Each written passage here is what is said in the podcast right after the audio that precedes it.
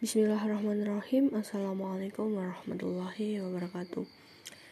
Hello, my, hello guys. So now we will. Uh, I want to read the book Will Kymlicka talking about multicultural.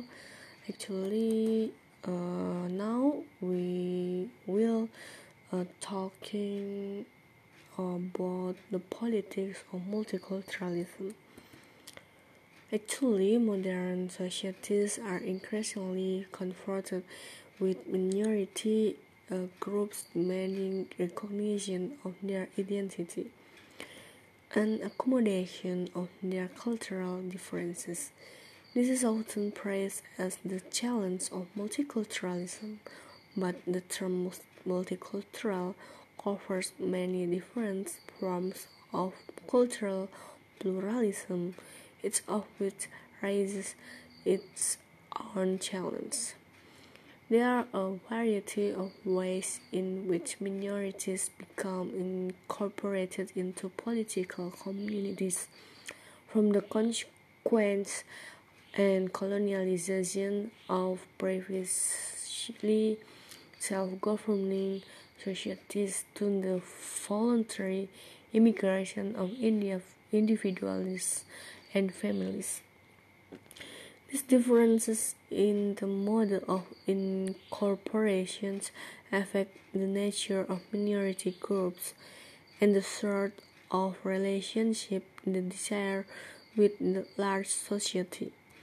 Generalizations about the goals or consequences of multiculturalism can therefore be very misleading. Indeed, uh, much of the public debate over multiculturalism suffer, suffer from this flaw. For example, uh, opponents of multiculturalism often say that it ghettoizes minorities and impede their integration into mainstream societies. Proponents respond that this concern for integration reflects cultural imperialism. imperialism.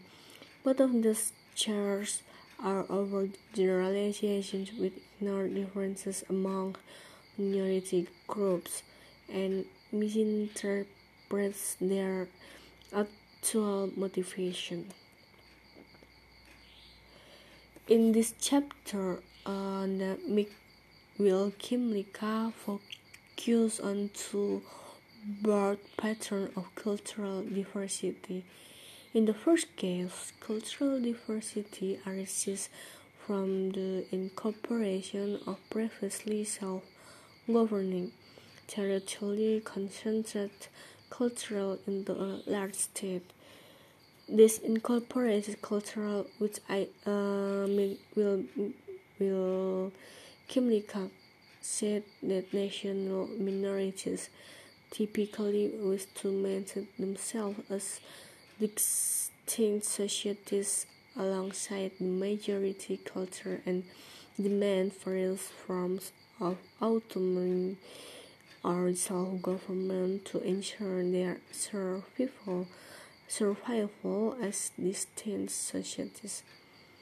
In the second case, cultural diversity arises uh, from the individual and family immigration.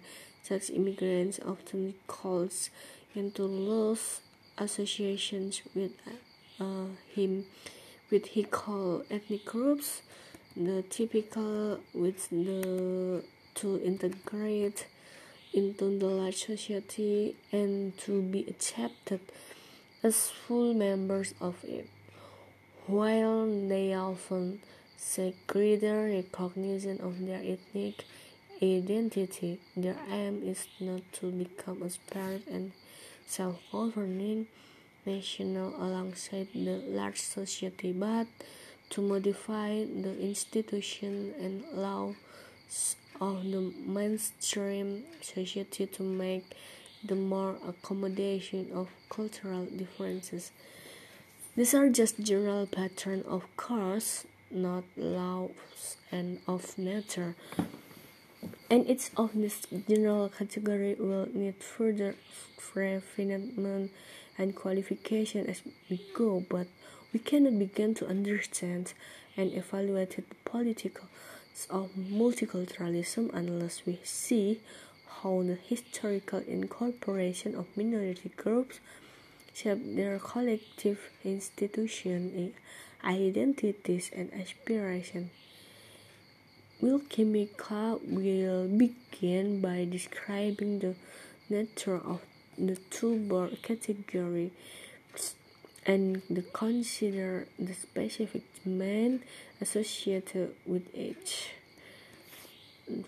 One, a multinational state and polyethnic state. Okay, one source of cultural diversity is the co- coexistence with, uh, within a given state of more than one nation. One nation means a historical community more or less institutionally complete, occupying a given territory or homeland, sharing a distinct language, language and culture. A nation, in the sociological sense, is closely related to the idea of a people or a culture. Indeed, uh, these concepts are often defined defined in terms of its other. A country which contains more than one nation is therefore not a nation state but a multi-nation state and the smaller cultures from national minorities. The, the incorporations of different nations into a single state may be involuntary as a cure when one cultural community is invaded and conquered by another, or is cheated from one imperial power to another, or when its homeland is overrun um, by colonizing styles. But the formation of a multinational state may also arise voluntarily when different cultures agree to form a federation for their mutual benefit. Okay, many Western democracies are multinational. Uh, for example, uh, there are a number of nation minorities in the United States, including the Americans, Indians, Puerto Ricans, the descendants of Mexicans, uh, living in the southwest when the United States annexed Texas, New Mexico, and California after the Mexican War on, of 1846. Uh, native Hawaiian, the Chamorros of Guam, and various other Pacific Islanders. Uh, these groups were all involuntarily incorporated into the United States through conquest or colonial, colonizations, had a different balance of power exists.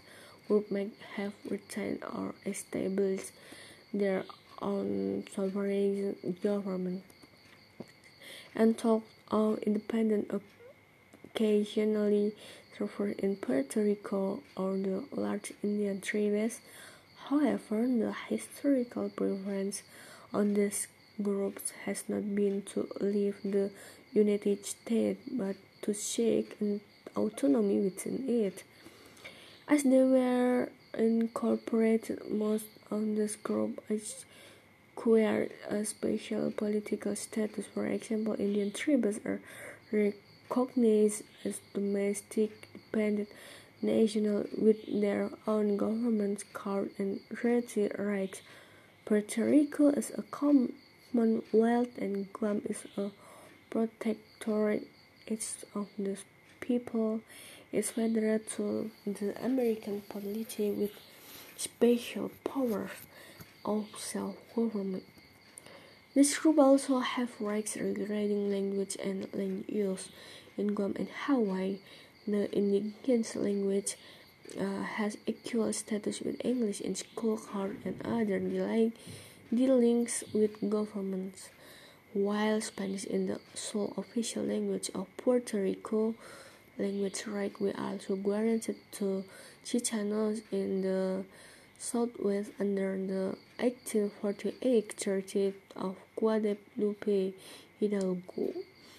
Although these were abrogated as soon as Anglophone settlers formed a majority of populations, native Hawaiian, Alaskan, Eskimos, and Indian tribes also have legally recognized and claims uh, which reserve uh, certain lands for their exclusive use and which provide guaranteed representation on certain regulatory bodies.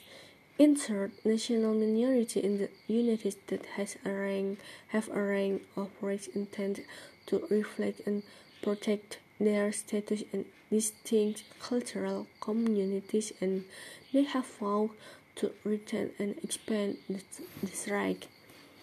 Most of these groups are relatively small and geographically isolated. Together, they constitute only a fraction of the overall American population. As a result, uh, this group have been marginal to the self-identity of Americans, and indeed the, the very existence of national minority and their self-government rights is often denied or downplayed by American politicians and theorists. In other countries, the existence of national minority is more of obvious. Canada's historical development has involved the federation of three, three distinct national groups, and the original incorporation of the Quebecers and Aboriginal communities into the Canadian political community was involuntary. Indian Indian homelands were overrun by French settlers who were then conquered by the English. While the possibility of secession uh, is very real for the Quebecers, the historical preference of the groups as with the national minority in the United States has not been to leave the Federation, but to renegotiate the term of federation so as to increase their autonomy within it. Many of the pivotal moments in Canadian history have centered on this attempt to renegotiate the term of federation between English, French, and Aboriginals. The terms of federation are laid out in a series of constitutionally protected documents, including treaty and land claim with the Aboriginals and the 1867 Confederation Agreement between the English and French-speaking colonials or colonies of British North America. Okay, I think enough uh, while I am reading this book, so we will continue to the next time uh, i'm sorry if i have many mistake but thank you so much uh, for your attention uh, see you uh, wassalamualaikum warahmatullahi wabarakatuh